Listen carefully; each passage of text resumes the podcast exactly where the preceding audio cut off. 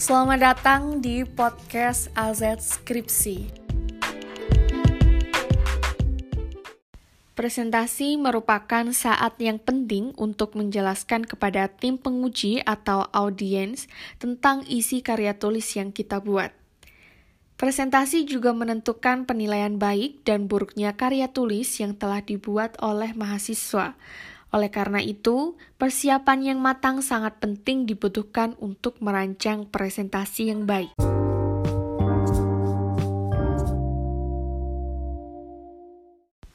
Dalam presentasi, mahasiswa dituntut untuk dapat merangkum hasil tulisan secara ringkas, jelas, dan padat.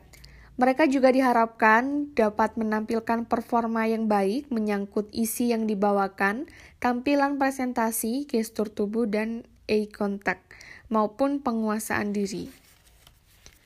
Berkaitan dengan isi yang dibawakan, presentasi diharapkan dapat benar-benar mensarikan mana-mana saja informasi yang sangat penting untuk ditampilkan.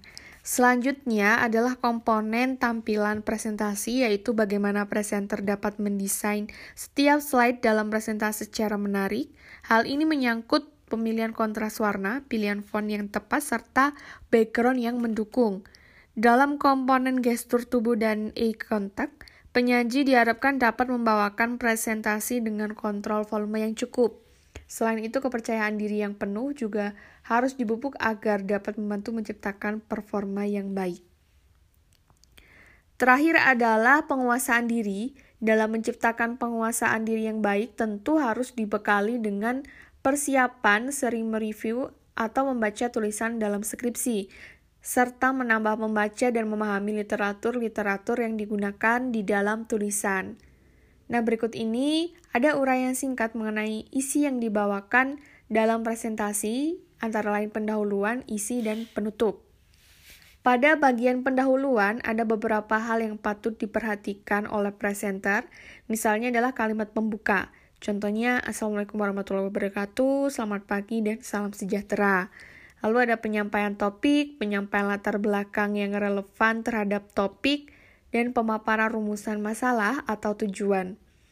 Pada bagian isi, penyaji itu diharapkan dapat menyampaikan beberapa hal pokok, antara lain review kajian pustaka, review metode penelitian, dan review hasil pembahasan. Nah, dalam bagian ini ada hal yang penting untuk disampaikan, yaitu mengintegrasikan fakta dalam presentasi anda. Selanjutnya, gunakan ilustrasi pada presentasi. Namun, jika ingin menambahkan ilustrasi seperti grafik, tabel, dan ilustrasi, ada beberapa hal yang patut diperhatikan, yaitu yang pertama, menjelaskan informasi yang relevan yang ada dalam ilustrasi tersebut. Berikan judul dan referensi sumber dari ilustrasi yang ada, dan berikutnya ada bagian penutup.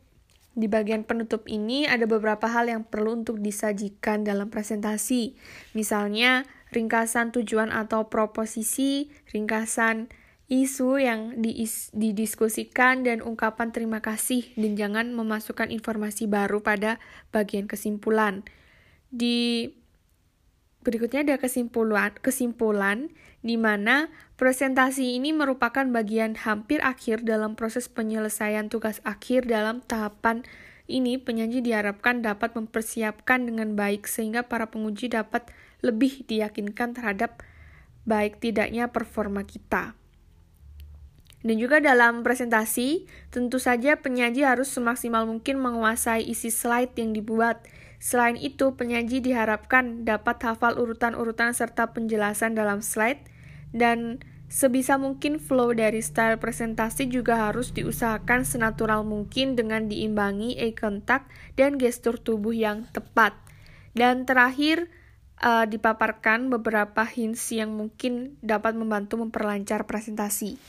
Di antaranya yang pertama, gunakan kartu kecil sebagai note atau pengingat penjelasan presentasi, lalu memulai mempersiapkan presentasi sedini mungkin, diulang, diulang, dan diulang latihan.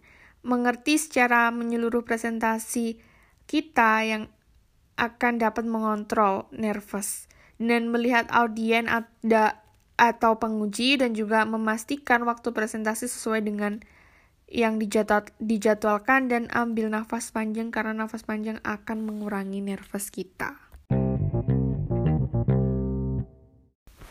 Nah, itu tadi yang dapat saya sampaikan di episode terakhir kali ini. Dan terima kasih kepada teman-teman yang sudah mendengarkan dari episode 1 sampai episode ke-9.